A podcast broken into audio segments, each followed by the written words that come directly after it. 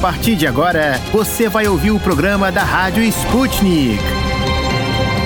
Ouvintes. Eu sou a Tayana de Oliveira e, junto com a Melina Saad, apresento hoje o programa da Rádio Sputnik. É isso aí, Tayana. Nós vamos juntas trazer o que acontece de mais importante no Brasil e no mundo nesta sexta-feira, 18 de março. O presidente da Rússia, Vladimir Putin, fez um discurso hoje no concerto do oitavo aniversário da reunificação da Crimeia com a Rússia. Só contextualizando para os nossos ouvintes que a Crimeia foi reintegrada à Rússia em 2014, através de referendo em que votaram os residentes da península, que havia sido cedida à Ucrânia pelo então líder soviético Nikita Khrushchev em 1954, quando a Rússia e a Ucrânia faziam parte de um mesmo Estado, a União Soviética. Durante um dos eventos marcados para celebrar a data, em um estádio de Moscou, Vladimir Putin ressaltou que a Rússia fez muito para desenvolver a Crimeia e Sevastopol e que foi necessário tirá-las da situação que estavam quando faziam parte da Ucrânia. O presidente russo disse ainda que o povo da península da Crimeia queria viver em sua terra, em sua pátria histórica,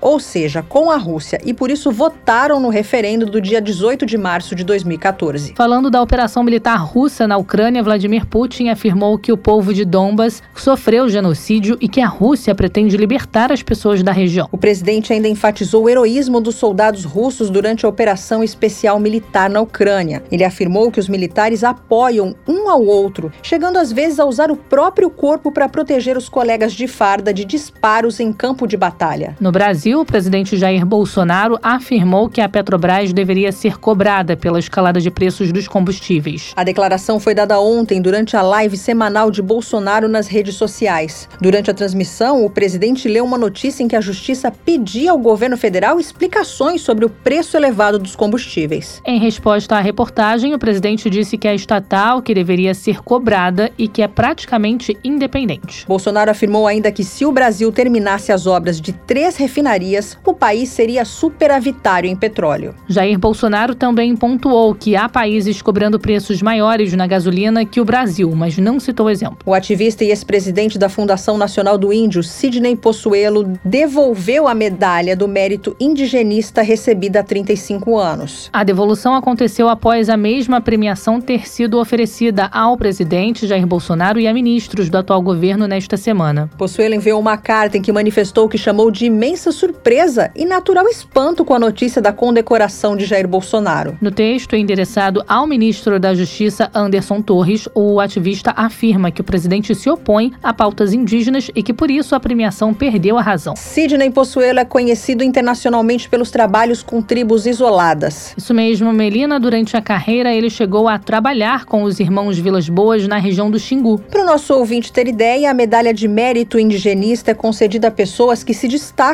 pelos trabalhos de proteção e promoção dos povos indígenas brasileiros. Nesta semana, além de Bolsonaro, também receberam a honraria o ministro da Defesa, Braga Neto, a ministra da Mulher, Família e Direitos Humanos, Damares Alves, e a ministra da Agricultura, Tereza Cristina. Voltando ao cenário internacional, o ministro da Defesa do Reino Unido, Ben Wallace, determinou a abertura de um inquérito após um homem que fingiu ser o primeiro-ministro ucraniano ter conseguido entrar em contato com ele. A videochamada foi combinada através de um e-mail enviado ao departamento do governo por um suposto assessor da embaixada ucraniana. De acordo com uma reportagem da agência Reuters, Ben Wallace ordenou um inquérito imediato para saber como a ligação, que durou cerca de 10 minutos, foi autorizada. A secretária do Interior, Priti Patel, também disse ter sido alvo do falso premier ucraniano. Na América do Sul, o governo peruano anunciou que vai recorrer à Corte Interamericana de Direitos Humanos para reverter uma decisão do Tribunal Constitucional. Ontem, o tribunal concedeu perdão ao ex-presidente Alberto Fujimori, condenado a 25 anos de prisão. Ele foi condenado em 2009 por corrupção e violação dos direitos humanos. Em outubro de 2018, a Corte Suprema reverteu o indulto humanitário de 2017 concedido a Fujimori. A recente decisão sobre a nova liberação do ex-presidente foi baseada em um habeas corpus. O Tribunal Constitucional considerou que, devido ao suposto delicado estado de saúde do ex-presidente, os efeitos do indulto devem ser restabelecidos. Depois desse giro de notícias, vamos conferir o que vamos trazer no programa de hoje? E no programa de hoje. No Destrinchando a Charada Brasil, vamos falar sobre o impacto da pirataria na economia brasileira e sobre o crescimento dos serviços de streaming. Na hora do play, ministro das Relações Exteriores da Rússia declara que a Rússia, China e Brasil não querem ser tutelados pelos Estados Unidos. No Você Sabia, que é o nosso quadro sobre curiosidades do Brasil, vamos falar sobre outro ano em que o Rio de Janeiro teve dois carnavais. O Deu Russo, que é o nosso quadro de bizarrices da Rússia, vai contar a história trágica de um parapentista que escolheu a pior montanha para pular enquanto estava esquiando. Para ficar por dentro de todas as novidades, tanto mundiais como brasileiras, se inscreva no nosso canal do Telegram. É muito simples. É só você escrever Sputnik Brasil na busca do Telegram e se inscrever para receber as notificações. Não se esqueça de ler, curtir e comentar nossas matérias no site br.sputniknews.com. Destrinchando a charada de dentro e fora do Brasil. Política, economia, sociedade e tudo que engloba o maior país da América Latina. As charadas mais complicadas do Brasil são destrinchadas aqui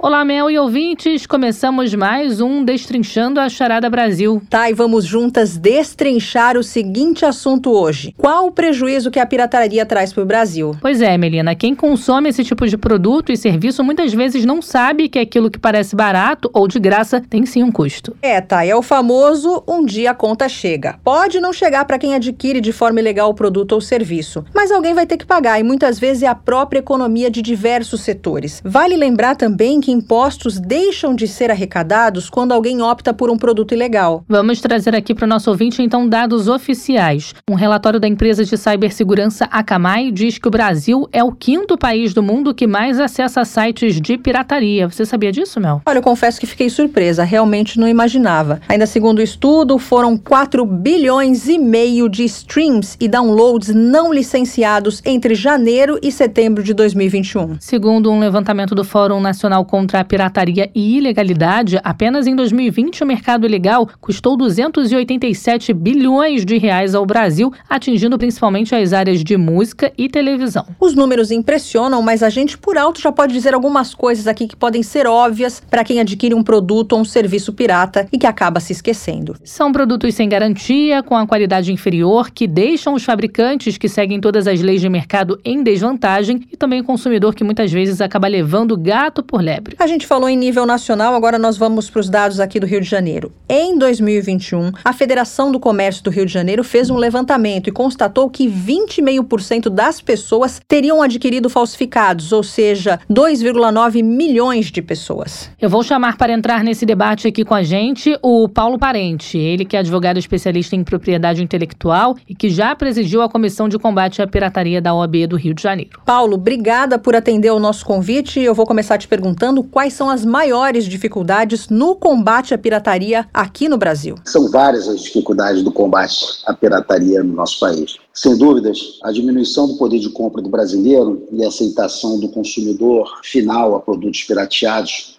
por querer pagar menos do que pagaria no produto original, de cara é um dos fatores prejudiciais a esse combate. Certamente, se não existisse um forte público consumidor, esse ato ilícito não se propagaria tão facilmente. Segundo uma pesquisa da Federação do Comércio do Rio de Janeiro, a FEComércio, realizada em 2021, 20,5% da população do estado do Rio de Janeiro teria adquirido produtos pirateados nos últimos 12 meses, o que significa um total de 2,9 milhões de pessoas. Ainda, no que tange a pirataria de produtos físicos, outro fator importante a ser considerado é o fato do Brasil ser um país de extensão continental, com fronteiras com outros países que não só recebem produtos pirateados, como também é, tem uma alta produção de mercadorias falsificadas, o que também facilita o contrabando, enfim, o descaminho e a entrada de produtos é, falsificados, pirateados, enfim, produtos frutos de é, infrações. Além disso, é possível afirmar que a falta de recursos públicos para fiscalização, combate e a conscientização da sociedade, bem como também a ausência de uniformização das medidas aduaneiras, também contam pontos desfavoráveis nessa luta contra a pirataria. No âmbito digital, isso é importante trazer também, as plataformas, marketplaces que não têm sede no país e que viabilizam as compras online, foram muito utilizadas aí durante esse período de pandemia, são igualmente um fator de incremento da pirataria. E o que se percebe é que há uma certa dificuldade nesse combate. Por isso, a conscientização da população sobre os impactos da pirataria e a atuação conjunta dos órgãos do governo, fiscalizadores, autoridades aduaneiras, enfim, autoridades policiais, é fundamental para que exista, ao menos, a possibilidade da diminuição da pirataria. Nós sabemos que diversas áreas são afetadas pela pirataria. Atualmente, qual o setor mais afetado por essa prática ilegal? Uma pesquisa liderada pelas empresas da CAMI e Muso em 2020, destacou que, em uma análise global, os principais setores pirateados foram de televisão, 64 bilhões de visitas totais. Editoração, 30 bilhões de visitas totais. Cinema, 14,5 bilhões de visitas totais. Música, 10,8 bilhões de visitas totais. E software, que inclui videogames e softwares modernos para PC, que são 8,9 bilhões de visitas totais. No Brasil, segundo dados da Receita Federal de 2020, o comércio ilegal de cigarros compreendeu 66% dos, das apreensões da Receita Federal seguida por outros 20,49% de vestuários, 24,78%, eletroeletrônicos, 1,76%, e caneta, lápis, por exemplo, 1,59%. Já a pesquisa do Comércio mencionada destacou que equipamentos eletrônicos ocupam 28,6% dos produtos falsificados, sendo seguido por roupas com 18,8% e calçados, bolsas e tênis com 17,1%. Em quarto e quinto lugar fica a pirataria digital, pelo download de filmes são 16,3%, e de softwares 15,9%, pelo menos no Rio de Janeiro. Quem pirateia algum serviço ou produto não recolhe imposto, o que reduz a arrecadação do Estado. Qual o impacto econômico da pirataria na economia brasileira? O Fórum Nacional contra a Pirataria e Ilegalidade, FNCP, realiza levantamento desde 2014 a respeito do impacto econômico da pirataria no Brasil. Em 2020, o Brasil perdeu 287,9 bilhões para o mercado ilegal. Esse valor é a soma dos impostos que deixariam de ser arrecadados que deixaram de ser arrecadados, 90,7 bilhões, e as perdas registradas por 15 setores industriais, 197,2 bilhões. Isso, por si só, já demonstra o impacto absurdo que tem a pirataria no mercado. Além das perdas financeiras, outro impacto preocupante é o fomento ao desemprego decorrente do menor investimento dos setores diretamente afetados pela pirataria. E que medidas estão sendo ou deveriam ser consideradas para coibir a pirataria? A conscientização é uma medida de grande importância. Campanhas organizadas por entidades governamentais que visam conscientizar o público consumidor são constantemente lançadas, como no caso da campanha organizada pelo Conselho Nacional de Combate à Pirataria e Delitos de Propriedade Intelectual do governo federal, que foi lançado em 2019. Esse programa, essa campanha, teve como por objetivo o objetivo de incentivar o consumidor a acabar com o negócio ilícito cometido por criminosos. A Ancine, Agência Nacional de Cinema, também frequentemente divulga ações com esse objetivo. É necessário considerar a uniformização das práticas aduaneiras em todo o território nacional, bem como uma melhor atuação em conjunto dos órgãos públicos, administrativos e judiciais. Além disso, em dezembro de 2021, o Ministério da Justiça e Segurança Pública homologou o Plano Nacional de Combate à Pirataria, ao contrabando, à sonegação fiscal, delas decorrentes e os delitos contra a propriedade intelectual, que visa focar nas fraudes cometidas no ambiente digital. O plano inclui metas de curso, concluídas em até um ano, médio, concluídas em até três anos, e longo, concluídas em, em mais de três anos, totalizando 64 metas. Por fim, e não menos importante, é o fortalecimento da atuação de conselhos estaduais de combate à pirataria, a exemplo do CDCOP, Conselho Estadual de Combate à Pirataria do Estado de Santa Catarina, que vem atuando ativamente em conjunto com outros órgãos da administração no combate à pirataria. Esse foi o Paulo Parente, especialista em propriedade intelectual, ex-presidente da Comissão de Combate à Pirataria da OAB Rio de Janeiro. A gente agradece mais uma vez pela entrevista e até uma próxima oportunidade. E a gente fala agora sobre o crescimento das plataformas de streaming no Brasil. Eu te pergunto agora, Melina, você é do tipo que ouve música ou assiste filmes, séries nas plataformas de streaming? Ah, tá. Eu confesso que sim, eu sou esse tipo de pessoa. Pois saiba que, assim como você, milhões de brasileiros utilizam esse serviço. Hoje em dia, esse costume se tornou uma realidade mesmo, né? Com certeza. Algumas pesquisas confirmam isso, inclusive. Um levantamento feito pela Finder, empresa especializada no setor, revela que o Brasil é o segundo país que mais assiste a streaming no mundo. O brasileiro parece que aderiu, aprovou mesmo esse tipo de comportamento. Enquanto o mundo tem uma média de 55%, o país conta com 64,58% de assinantes de sites de transmissão. O único que está acima do Brasil é a Nova Zelândia, com pouco mais de 65%. De acordo com o um relatório de adoção de streaming global do Finder, 65% dos adultos brasileiros têm pelo menos um serviço de streaming. Esse índice supera a média global de 56%. Para os nossos ouvintes terem uma ideia, essa pesquisa foi realizada com 28.547 adultos em 18 países. Segundo a Finder, apenas 35,42% da população não possui nenhum serviço de streaming no país. Entre as plataformas de audiovisual, a Netflix lidera o ranking com 52,69% do mercado, seguido por Amazon Prime e Disney+. Pelos números e pela quantidade de empresas que chegaram ao país nos últimos dois anos, a gente percebe ainda que a pandemia acelerou esse processo de migração dos telespectadores para os serviços digitais. Sim, com a população em isolamento, as plataformas de streaming se tornaram uma alternativa para passar o tempo. E esse poder que o streaming possibilita de escolher o que você quer assistir, a hora que você quer assistir, é muito difícil de ser alcançado pela TV tradicional, por exemplo. Exatamente, mas em contrapartida, aquela sensação de assistir uma partida de futebol ou o programa favorito em tempo real, só o ao vivo da TV é capaz de dar. Ah, é verdade. Só que o serviço de streaming não está limitado apenas à produção de filmes, séries ou produções de audiovisual. Claro que não. Graças a essa tecnologia, milhões de pessoas ao redor do mundo podem também ouvir música e escutar podcasts. Isso, inclusive percebendo esse novo comportamento da população, investidores passaram a oferecer, através dessas plataformas, conteúdos de temas variados, como educação, economia.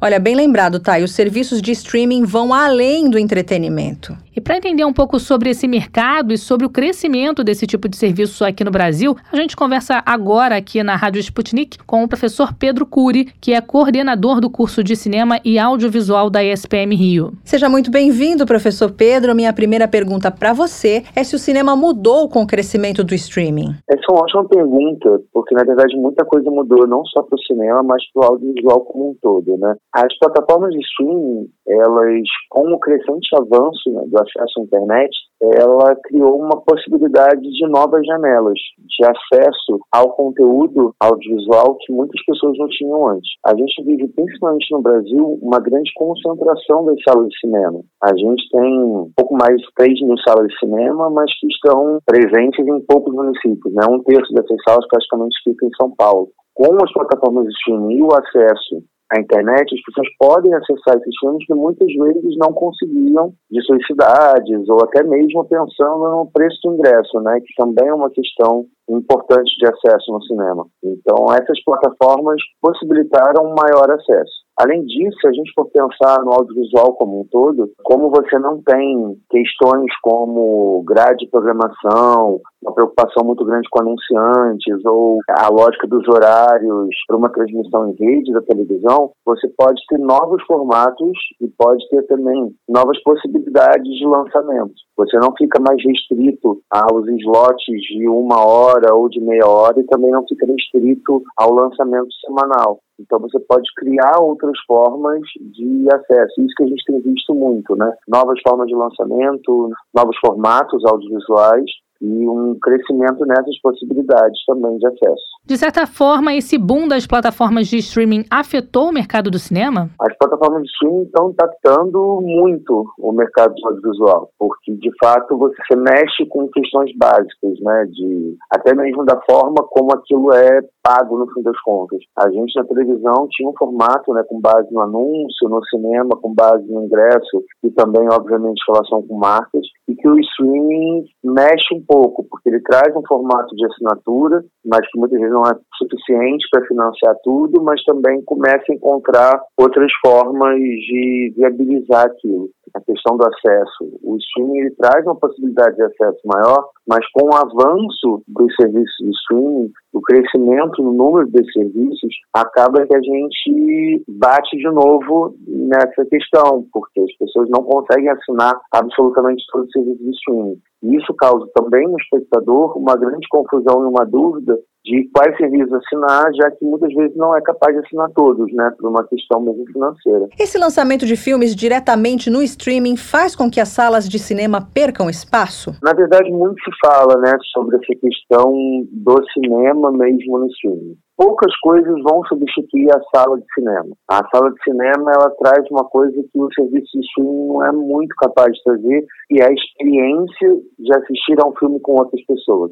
Exatamente essa lógica de você ir comprar uma pipoca, ainda mais as salas de cinema, né, o circuito exibidor, criou estratégias para valorizar ainda mais a ida à sala de cinema. Então você vai e compra o combo de pipoca que é colecionável, você ganha alguns materiais que fazem com que você se lembre que você foi ver aquele filme com outras pessoas toda uma experiência que não tem como ser substituída por você dar um play em casa. E isso é desde o início do cinema, né? Quando surge a televisão, o cinema precisa se reinventar porque as pessoas estavam começando a assistir coisas em casa. No futuro, quando você começa a ter melhores tecnologias, televisão, videocassete, o cinema precisa se reinventar com outras formas de exibição, outros formatos de tela, 3D mais modernos e tecnologias mais modernas de exibição. O que a gente está vendo é o cinema ter tendo que se reinventar também frente a essas novas janelas que acabam tirando o público né, da sala de cinema, mas poucas coisas substituem isso. Não à toa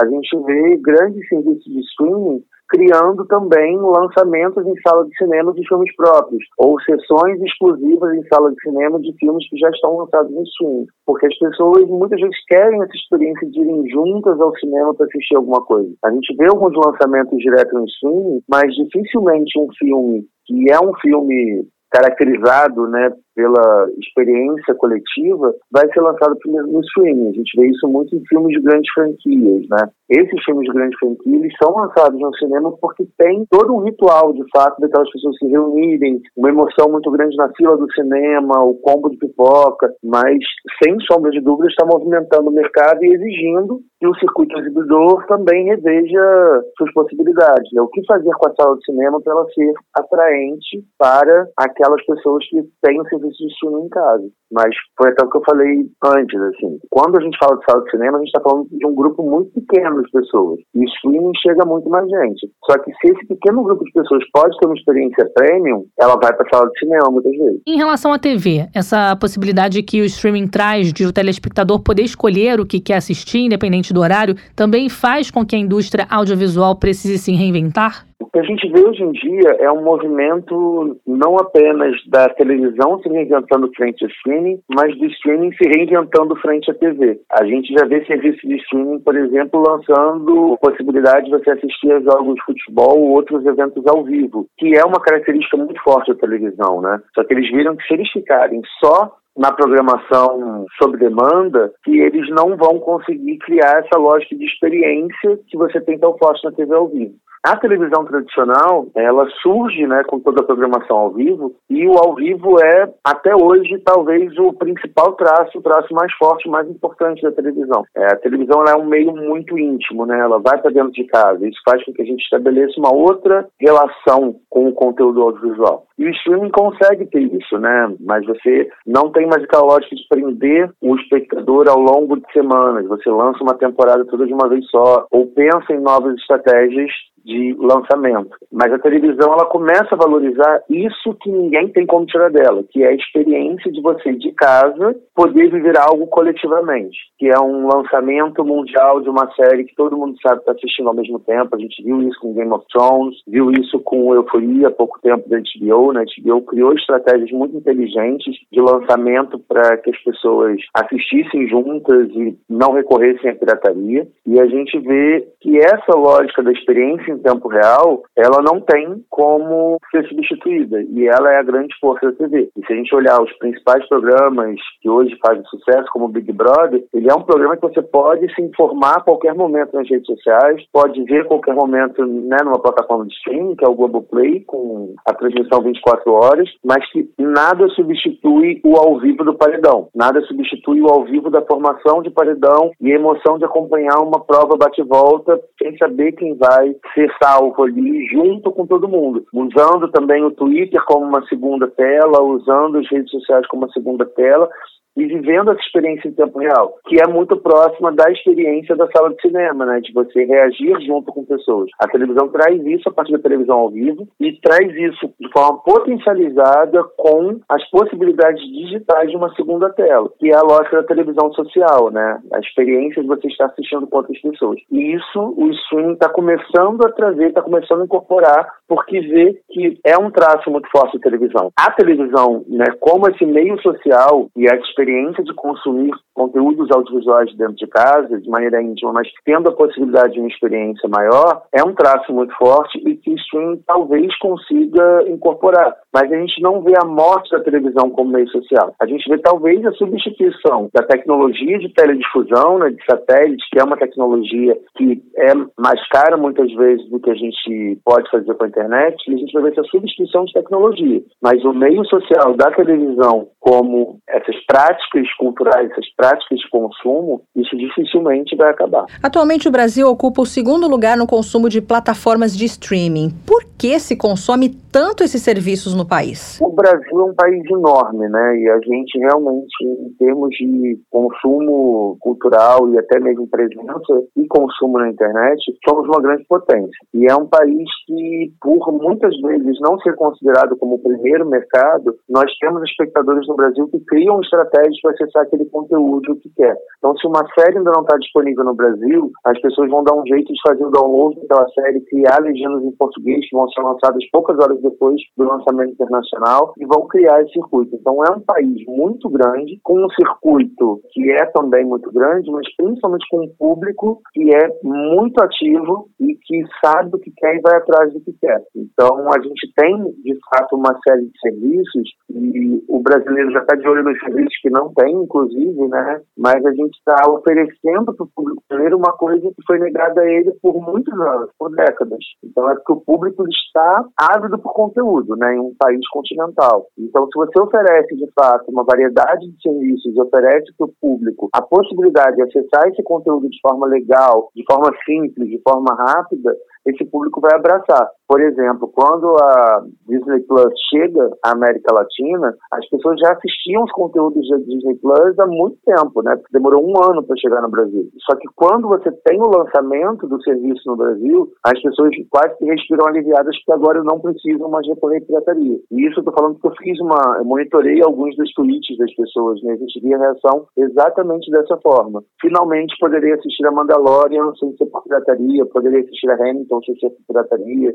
então, isso é um movimento mesmo do público brasileiro, que é muito bem informado, muito bem articulado. A presença do brasileiro na internet é uma presença muito forte. E que aí você junta o grande interesse do brasileiro pelos conteúdos audiovisuais e também a presença digital dos nossos consumidores. Esse foi o professor Pedro Cury, coordenador do curso de Cinema e Audiovisual da SPM Rio. Muito obrigada pela sua participação aqui na Sputnik. Convidamos agora o professor de Comunicação Social da PUC Rio, Bruno Diegues, para falar mais sobre o assunto. Olá, Bruno. Bruno, obrigada por nos atender. Eu começo te perguntando como a evolução da internet impactou na indústria do entretenimento. Eu acho que a gente tem que entender que a internet é parte da indústria do entretenimento. Então, ela é parte da evolução da própria indústria do entretenimento. A internet surge como algo de governos, como uma estratégia até militar, uma questão de comunicação entre computadores. Mas o uso dela e a viabilização dela se dá como parte de uma indústria do entretenimento entretenimento que basicamente vive de vender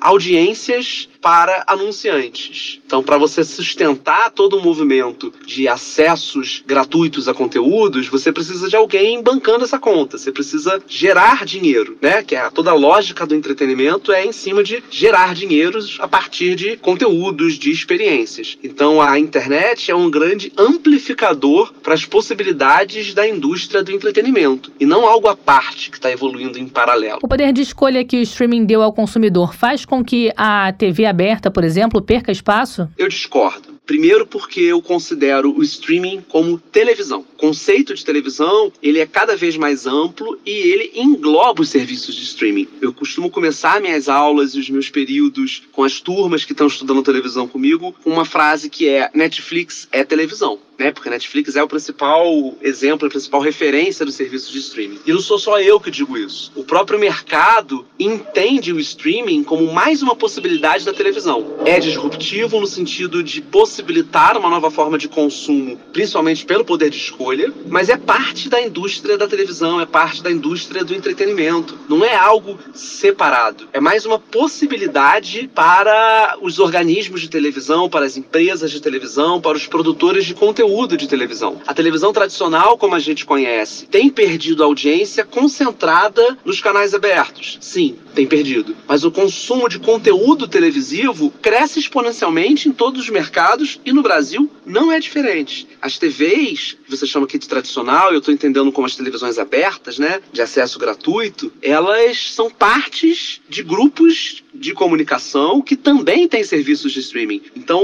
o investimento nesse serviço agora pago e num valor que varia, com uma série de pacotes disponíveis, eu tendo a ver como mais uma opção para o público. Eu, como consumidor de televisão e de conteúdo de televisão aberta, hoje não perco conteúdos que a minha rotina faria com que eu perdesse se eu não tivesse essa possibilidade. Digo sim que é um desafio a mais para os canais abertos fazerem o público saber que conteúdo está disponível, como ele está disponível e que ele assiste como ele quiser. E sem deixar de dar a devida importância para a programação. Acho que a estratégia de programação tradicional é cada vez mais relevante para fazer o público conhecer o seu produto, para atrair o público para o consumo tradicional, que ainda tem um público muito grande. Olha para os números, é uma comunicação de massa. Qualquer conteúdo de televisão aberta tem muito mais audiência do que os conteúdos de streaming, porque o conteúdo de streaming ele é mais pulverizado. Então eu não digo que é uma ameaça, mas é uma oportunidade para a TV tradicional. É parte do futuro,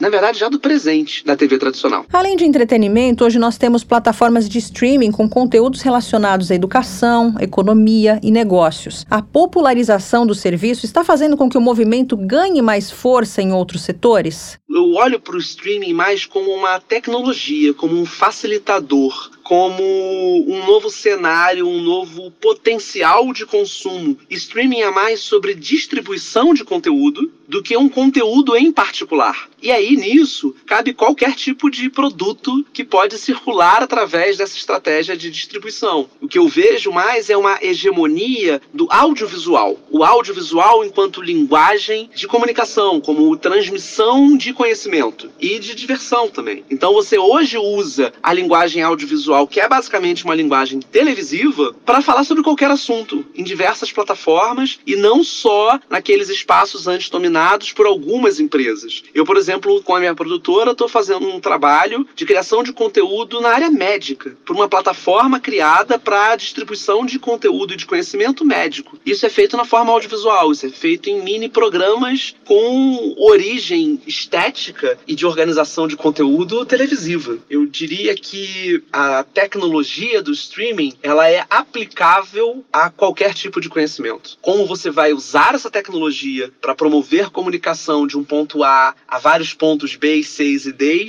é que é a grande oportunidade que ele representa. Professor, te peço agora para explicar para os nossos ouvintes como funcionam essas plataformas de streaming. As plataformas de streaming audiovisual, de conteúdo audiovisual, funcionam hoje como uma curadoria de conteúdo disponível para consumo sob demanda. Originalmente, a gente pode olhar para o caso pioneiro da Netflix, ele era um serviço de distribuição de um conteúdo que a empresa tinha direitos de distribuir. Então ela comprava conteúdos prontos e dava acesso aos seus clientes a esses conteúdos. Com a evolução desse mercado, percebeu-se que o público queria mais do que um simples repositório de conteúdo disponível, mas que ele queria uma curadoria. E nesse sentido, e com a ampliação, com o sucesso até da Netflix e a ampliação dessa tecnologia para outras empresas explorarem, as empresas proprietárias daqueles conteúdos que a Netflix apenas distribuía perceberam que podiam ter a própria plataforma e elas mesmas distribuírem e lucrarem lucrarem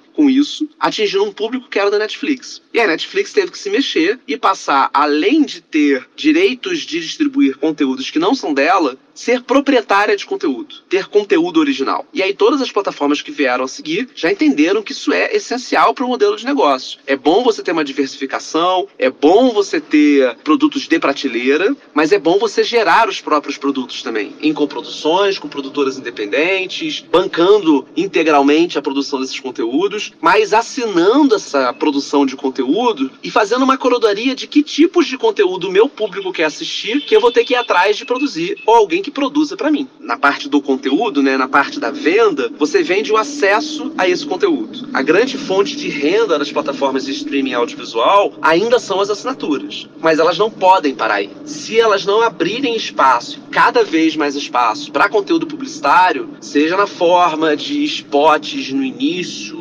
meio, no final dos conteúdos, ou também dentro dos conteúdos com merchandising ou ações de branded content, esse negócio não vai se sustentar. Por mais que exista uma escala global de assinaturas, não dá para bancar a avidez e a demanda dos assinantes que são, de novo, muito pulverizados em termos de consumo de conteúdo, eles querem muita coisa, eles consomem tudo muito rápido, eles ficam viciados, eles querem toda semana, todo fim de semana, um conteúdo novo para fazer maratona. Então você precisa alimentar essa fome de conteúdo. Só com o dinheiro das assinaturas, por maior que seja esse volume, não se sustenta esse negócio que depende de criação de conteúdo original, que é algo caro, de compra de licenciamento de outros produtos para exibir, de toda uma estratégia de marketing para alcançar o seu público atual, reter o público atual e atingir novos assinantes, e ainda todo o investimento de tecnologia necessária para suportar a exibição por streaming no mundo inteiro de tanto conteúdo, é, não dá. Você vai precisar, você já está precisando. Esses negócios não se sustentam sozinhos. Ou você tem que ter outros, outras fontes de investimento, como o Prime Video tem da própria Amazon, né, do negócio da Amazon,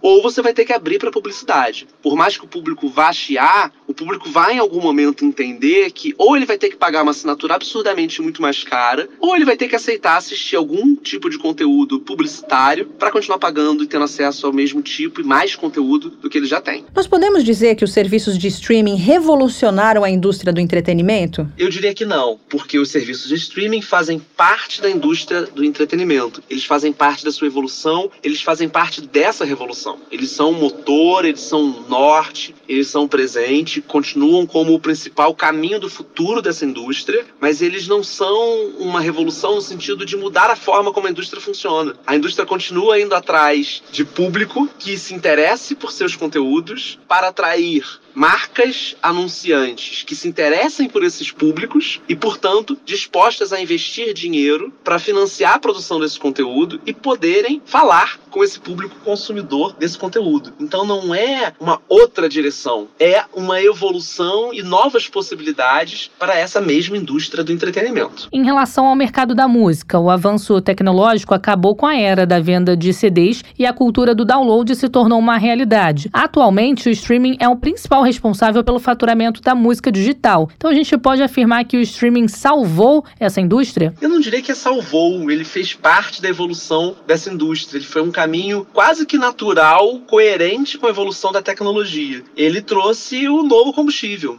ele trouxe uma nova forma de distribuição, mas o interesse por música ainda existe, né? Os artistas estão aí. O que eu acho que a gente pode olhar para especificamente para o segmento da música, para esse mercado e pensando no audiovisual, e acho que isso já está acontecendo, é que esses produtores desta área, esses realizadores dentro do segmento audiovisual, aprenderam muito com os baques que o mercado da música foi vivendo. E acho que já estão já na veia com essa experiência, liderando todas as possibilidades que o streaming carrega. Obrigada, Bruno Diegues, e até uma próxima oportunidade. Nós conversamos com o professor de comunicação social da PUC Rio, Bruno Diegues. De maneira resumida, nós podemos dizer que os serviços de streaming se referem à transmissão instantânea de arquivos digitais de áudio e vídeo. Isso mesmo, Mel, e podemos afirmar também que as plataformas são um sucesso mundial. E assim nós encerramos o Destrinchando a Charada Brasil de hoje. Até segunda-feira.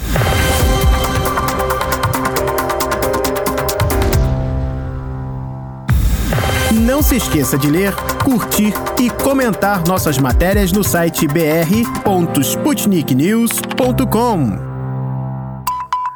Para ficar por dentro de todas as novidades, tanto mundiais como brasileiras, se inscreva no nosso canal do Telegram. É muito simples. É só você escrever Sputnik Brasil na busca do Telegram e se inscrever para receber as notificações. Hora do Play. Curtidas e mais curtidas da Rússia ao Brasil. Confira com a gente os vídeos da Sputnik Brasil que estão bombando na internet.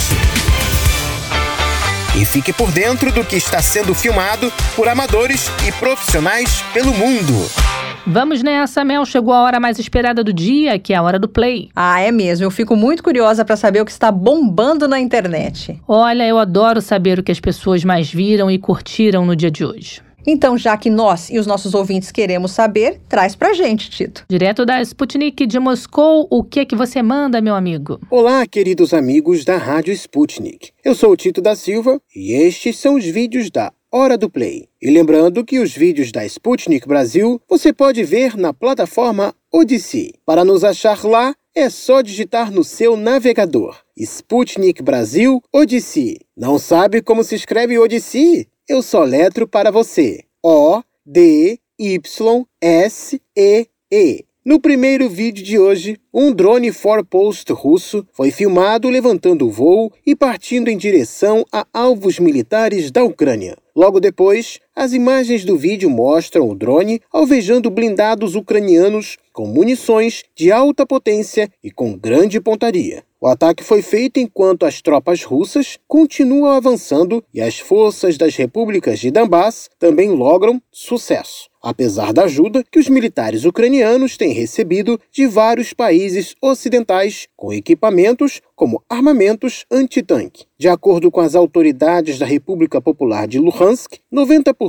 do território que esta reivindica para si já foram tomados. Para assistir ao vídeo, digite na Odyssey: drone russo Forpost bombardeia blindados ucranianos. No segundo vídeo de hoje, o presidente do Comitê de Relações Exteriores e Defesa da França, Christian Combon, fez uma declaração que foi considerada perturbadora por parte da imprensa francesa. Segundo o senador, a França possui munição suficiente somente para quatro dias de combate em caso de uma guerra de grande escala. Na fala feita durante entrevista à Rádio França Internacional, a autoridade também explicou que a França não tem hoje condições de se envolver em um conflito a longo prazo. O vídeo com mais detalhes você acha digitando França tem munição estocada para somente quatro dias de guerra, diz senador do país. No terceiro vídeo de hoje, o chanceler da Rússia, Sergei Lavrov, afirmou durante entrevista à agência de notícias RT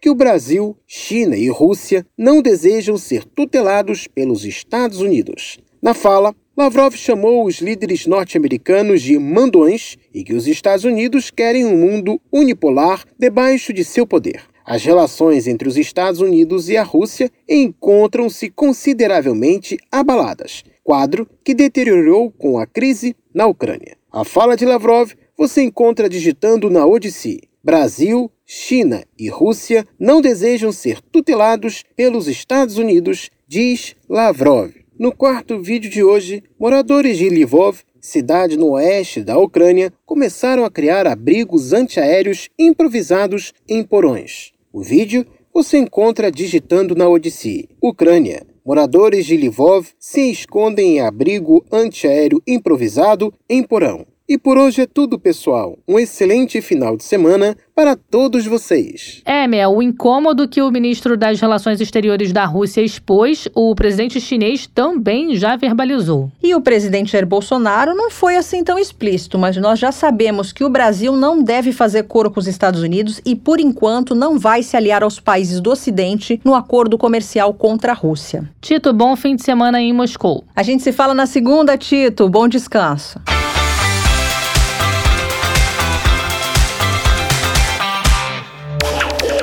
Tem alguma dúvida ou comentário sobre a Rádio Sputnik? Você pode entrar em contato com a gente através do e-mail radio.br@sputniknews.com. Você sabia? Não? Agora vai saber. Num país gigante como o Brasil, sempre há mistérios ou peculiaridades históricas que merecem ser desvendados. Vem com a gente descobrir. Olá, ouvintes! Depois de dois anos sem carnaval em função da pandemia, em 2022 nós teremos dois carnavais. Exatamente, Mel. Com o um adiamento do desfile das escolas de samba do Rio de Janeiro e de São Paulo para abril, vamos acabar somando duas comemorações neste ano. Isso porque, mesmo com a proibição, nós tivemos blocos não oficiais desfilando na data do carnaval, além das festas particulares que estavam liberadas. E vocês sabiam, ouvintes, que essa não é a primeira vez que temos dois carnavais em um único ano? Pois é, tá. É verdade que não teremos nesse ano um carnaval do jeito que nós conhecemos, com desfile dos blocos na rua, que continuam proibidos. Mas os desfiles das escolas de samba já ajudam a matar um pouquinho da saudade da festa, né? Ah, com certeza. E para falar sobre essa curiosidade que é a comemoração de dois carnavais em um único ano, e pela segunda vez, conversamos agora com o Tiago Ribeiro, mestre e doutorando em artes pela UERJ, que tem como objeto de pesquisa os blocos de rua no Rio de Janeiro. Tiago, muito obrigada pela participação. Conta pra gente o que houve em 1912 para que acontecessem dois carnavais. O que houve em 1912 foi o falecimento do Barão do Rio Branco, que na época era o ministro das Relações Exteriores do Brasil. Ele morreu faltando uma semana para o carnaval. Mas, ao contrário do que a gente pode imaginar, essa tentativa de adiamento do carnaval naquela época não foi uma proposta oficial do governo. Foi uma campanha principalmente capitaneada pelos jornais. E isso também devido a uma forte comoção popular. Só para você ter uma ideia, é a morte do Rio Branco contou em seu velório, que durou três dias, com a presença de aproximadamente 100 mil pessoas. Então, assim, foi uma verdadeira comoção em torno da morte do Rio Branco que motivou essa tentativa de adiamento. E como era o carnaval no início do século XX? Havia desfiles como os que a gente vê hoje? O carnaval no início do século XX no Rio de Janeiro, ele era marcado por diversas formas de celebrar a festa. A principal delas naquele momento eram as grandes sociedades, que eram desfiles marcados por grandes e, opulentas e bonitas, enfim, alegorias, que cada alegoria representava uma cena, um fato histórico,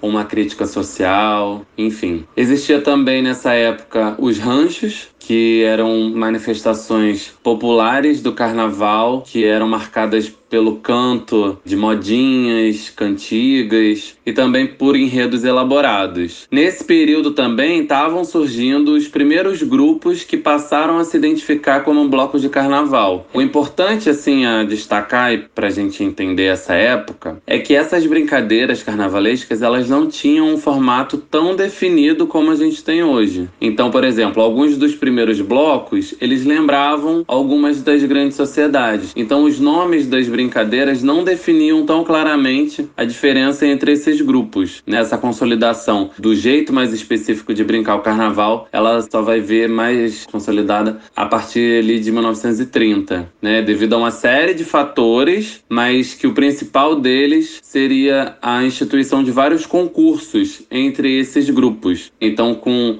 a instituição de regulamentos, através da competição entre os grupos, vão se estabelecendo as diferenças mais claras entre esses diversos modos de festejar. Tiago, e que fenômeno é esse que motiva as pessoas a celebrarem apesar de qualquer contraindicação existente ou até mesmo de alguma proibição? De onde vem essa potência? A gente não pode esquecer que o carnaval ele surgiu na Idade Média já com esse ar de anarquia, de festas e excessos antes dos dias de jejum, de abstinência da quaresma. No Brasil não foi diferente. O carnaval chega aqui no Brasil através do intrudo ou dos intrudos, que eram, na verdade, um conjunto de brincadeiras muito marcadas pela afronta ao seu oponente, né? Então, tá dentro dessa identidade também. E com a chegada de outros modos de festejar, já no século XIX, o carnaval das ruas, ele passou a representar também essa disputa pela ocupação do espaço público, de pertencimento na cidade.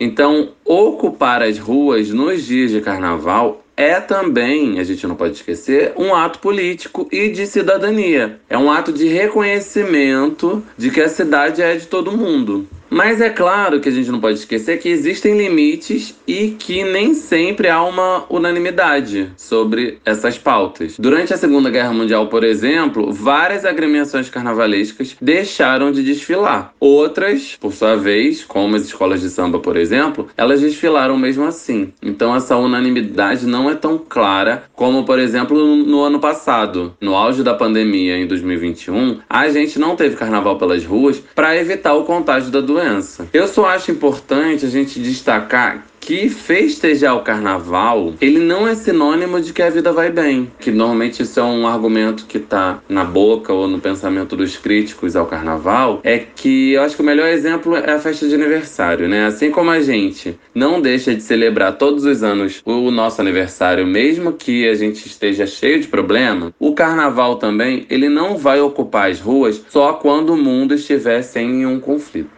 Em 1912, a questão principal era o respeito ao luto, certo? Assim foi considerado uma afronta celebrar o carnaval ou houve um senso de compreensão em nome dos vários significados da festa? Em 1912, a gente não teve também um consenso sobre essa realização do carnaval. A gente tinha de um lado os jornais que publicavam várias charges com críticas a quem tivesse interessado na farra, divulgando também abaixo assinado para o adiamento da festa. A gente tinha grande sociedade, algumas resolveram não desfilar, inclusive grandes sociedades que participaram do cortejo fúnebre do Barão de Rio Branco. Mas a gente também teve, do outro lado, outros grupos que resolveram festejar mesmo assim. Mas eu acho que o mais irônico daquele carnaval é que o principal local de desfiles daquela época era a Avenida Central, que mudou de nome para a Avenida Rio Branco em homenagem ao falecido. E essa mudança de nome foi antes do carnaval. Então, quem resolveu festejar aquele carnaval ainda brincou na avenida que dava nome ao falecido Rio Branco. E agora, em 2022, como você percebe a reação da sociedade e das autoridades diante de quem decidiu festejar o carnaval antes da data marcada? Já nesse caso de 2022, agora, eu também não vejo um consenso. Yes. O adiamento da festa para abril, a gente não pode simplificar a questão, né? A gente tem que perceber que não foi por um único motivo, não foi só pela razão sanitária. Muitas marcas que patrocinam a festa, por exemplo, não estavam dispostas a verem a sua imagem relacionada a essa polêmica, enquanto a gente ainda estava com um cenário de muita incerteza diante da variante Ômicron da Covid-19. Outros grupos, por sua vez, que não dependem de autorização do poder público para desfilar, que não pretendem estabelecer parcerias econômicas com empresas, eles se sentiram mais livres para festejar nas ruas e assim eles fizeram. Você podia falar um pouco sobre a história do carnaval para o Rio e para o Brasil? A gente pode falar sobre o carnaval de diversos pontos de vista, né? De diversos aspectos. Do ponto de vista cultural, de manifestação artística mesmo, do ponto de vista econômico, que gera renda, que gera emprego, que estimula o turismo, que gera retorno altíssimo ao poder público em impostos. A gente pode ver pelo caráter de sociabilidade, de criação de laços entre pessoas num primeiro momento desconhecidas e que passam a interagir, a se integrar, a conhecer outros tipos de grupos, outras realidades. Mas o principal que eu gosto sempre de ressaltar é o ponto de vista político, de perceber que somos parte ativa da cidade, que a gente pode ressignificar o espaço urbano, que a gente pode e deve ocupar as ruas e se sentir dono delas. Para encerrar, Tiago, além de 1912 e 2022, tivemos outro ano em que algo parecido ocorreu.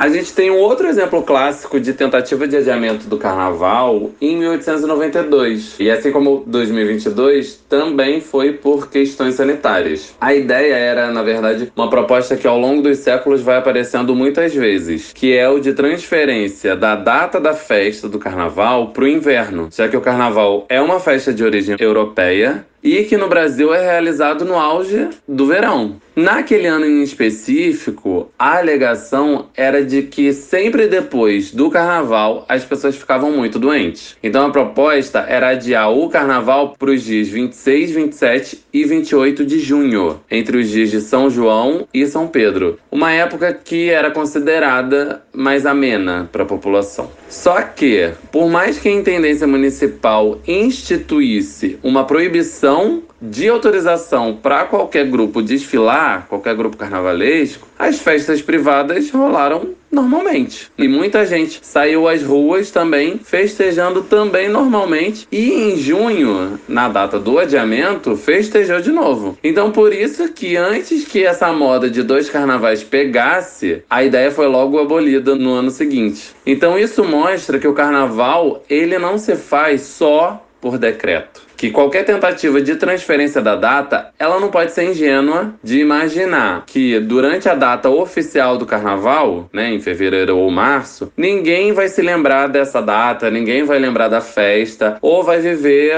o seu dia como se fosse um dia qualquer. A gente está falando de uma tradição secular que faz parte da nossa identidade. Tiago, muito obrigada pela participação. Agora é só aguardar os desfiles desse ano, né, Thay? Com certeza, Mel. O Você Sabia de hoje fica por aqui aqui e até a próxima.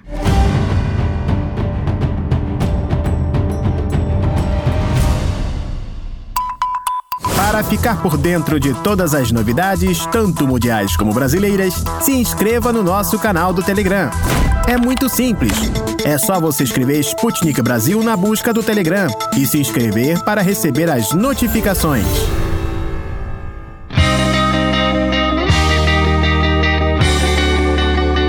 Deu Russo. De notícias bizarras do Brasil já estamos mais que saciados. E as bizarrices que acontecem na Rússia, hein? É outro nível, rapaziada. Ih, deu russo. Esquiar já é difícil. Agora, imaginem, ouvintes, se o que vocês querem mesmo é esquiar pulando de parapente. Isso é possível? Que eu acho bem complicado, viu? Ah, complicado demais, porque para pular de parapente é preciso estar a uma boa altitude com todos os equipamentos em boas condições. E é preciso, claro, saber de onde pular. Queridos ouvintes, não tentem nunca repetir o que um russo esquiador e parapentista tentou fazer nas montanhas da famosa cidade meridional russa de Sochi. A montanha escolhida por esse praticante de esportes radicais tem 2.509 metros de altura e é aberta para esqui e snowboard. Para ser uma noção, o pico mais alto do Brasil tem 2.995 metros. O Pico da Neblina, localizado no Planalto das Guianas, ao norte do Amazonas e na fronteira entre o Brasil e a Venezuela. Ou seja, essa montanha escolhida pelo esportista russo não deixa muito a desejar, não. Só que antes de pular com parapente, é imprescindível saber onde você está pulando. Para registrar o salto, o russo ligou uma GoPro que estava acoplada ao capacete usado por ele. O vídeo começou com ele esquiando na alta montanha. Tudo parecia estar funcionando com tranquilidade. Nas imagens dá para ver também sinalizações da pista de esqui especificando que o caminho, especificando que caminho os esportistas deveriam seguir. Mas o parapentista não deu bola para sinalizações e pegou um atalho que para ele era o caminho certo para voar de parapente, depois esquiar um pouco. Depois de pegar um pouco de velocidade, o parapentista pulou. A câmera mostrou tudo, ouvintes. O pulo não se transformou em voo, infelizmente Pois é, bem perto de onde esse parapentista pulou, tinha um monte de neve, então ele acabou não conseguindo pegar ar para voar. Caiu no monte de neve e saiu girando sem parar. E a câmera só filmando. Que deveria ter sido um voo inesquecível, acabou sendo só inesquecível mesmo. Depois de tanto cair, o parapentista ficou preso em um monte de neve só com a cabeça de fora. E a câmera filmando. Graças às cores chamativas do parapente desse russo, um helicóptero de resgate acabou achando a localização localização de onde esse esquiador estava. Foi resgatado depois de passar um tempão debaixo de neve e recebeu notícias tristes no hospital. O parapentista acabou fraturando a coluna vertebral, quebrando uma perna e recebendo traumas na cabeça, caros ouvintes. Não é fácil a vida de um parapentista esquiador. Bem, nós desejamos toda a sorte do mundo para esse russo e esperamos que ele não tente mais pular de montanhas desconhecidas.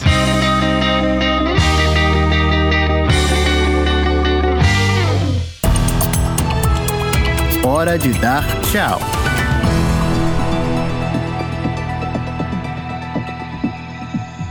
É isso então, queridos ouvintes. Acabou o programa dessa sexta-feira, dia 18 de março. E aí, Thay, sextou? Ah, sextou sim, Mel. E eu sei que os nossos ouvintes vão continuar ligados em toda a nossa programação. Para isso, basta dar uma passadinha no site da Sputnik Brasil, br www.sputniknews.com para conferir as notícias do momento. Lembrando que temos também nosso canal da Sputnik Brasil no ODC. Não dá para perder, né? Lá os nossos ouvintes encontram os vídeos dos assuntos mais importantes do momento, tanto no Brasil como no resto do mundo. Fiquem ligados também nas informações sempre atualizadas no Twitter e Telegram da Sputnik Brasil. Boa sexta-feira, aproveitem o fim de semana, queridos ouvintes, e a gente se encontra na segunda-feira. O programa da Rádio Sputnik teve a apresentação apresentação, produção e edição de textos de Melina Saad e Tayana de Oliveira, produção de conteúdos e edição de texto de Tito da Silva, Pablo Rodrigues, Bárbara Pereira e Francine Augusto. A edição e a montagem do programa são de Wellington Vieira e David Costa. A produção geral no Rio de Janeiro é do Everton Maia e da Angélica Fontela. E o editor-chefe da redação da Sputnik Brasil no Rio de Janeiro é o Renan Lúcio. E em Moscou, Konstantin Kuznetsov.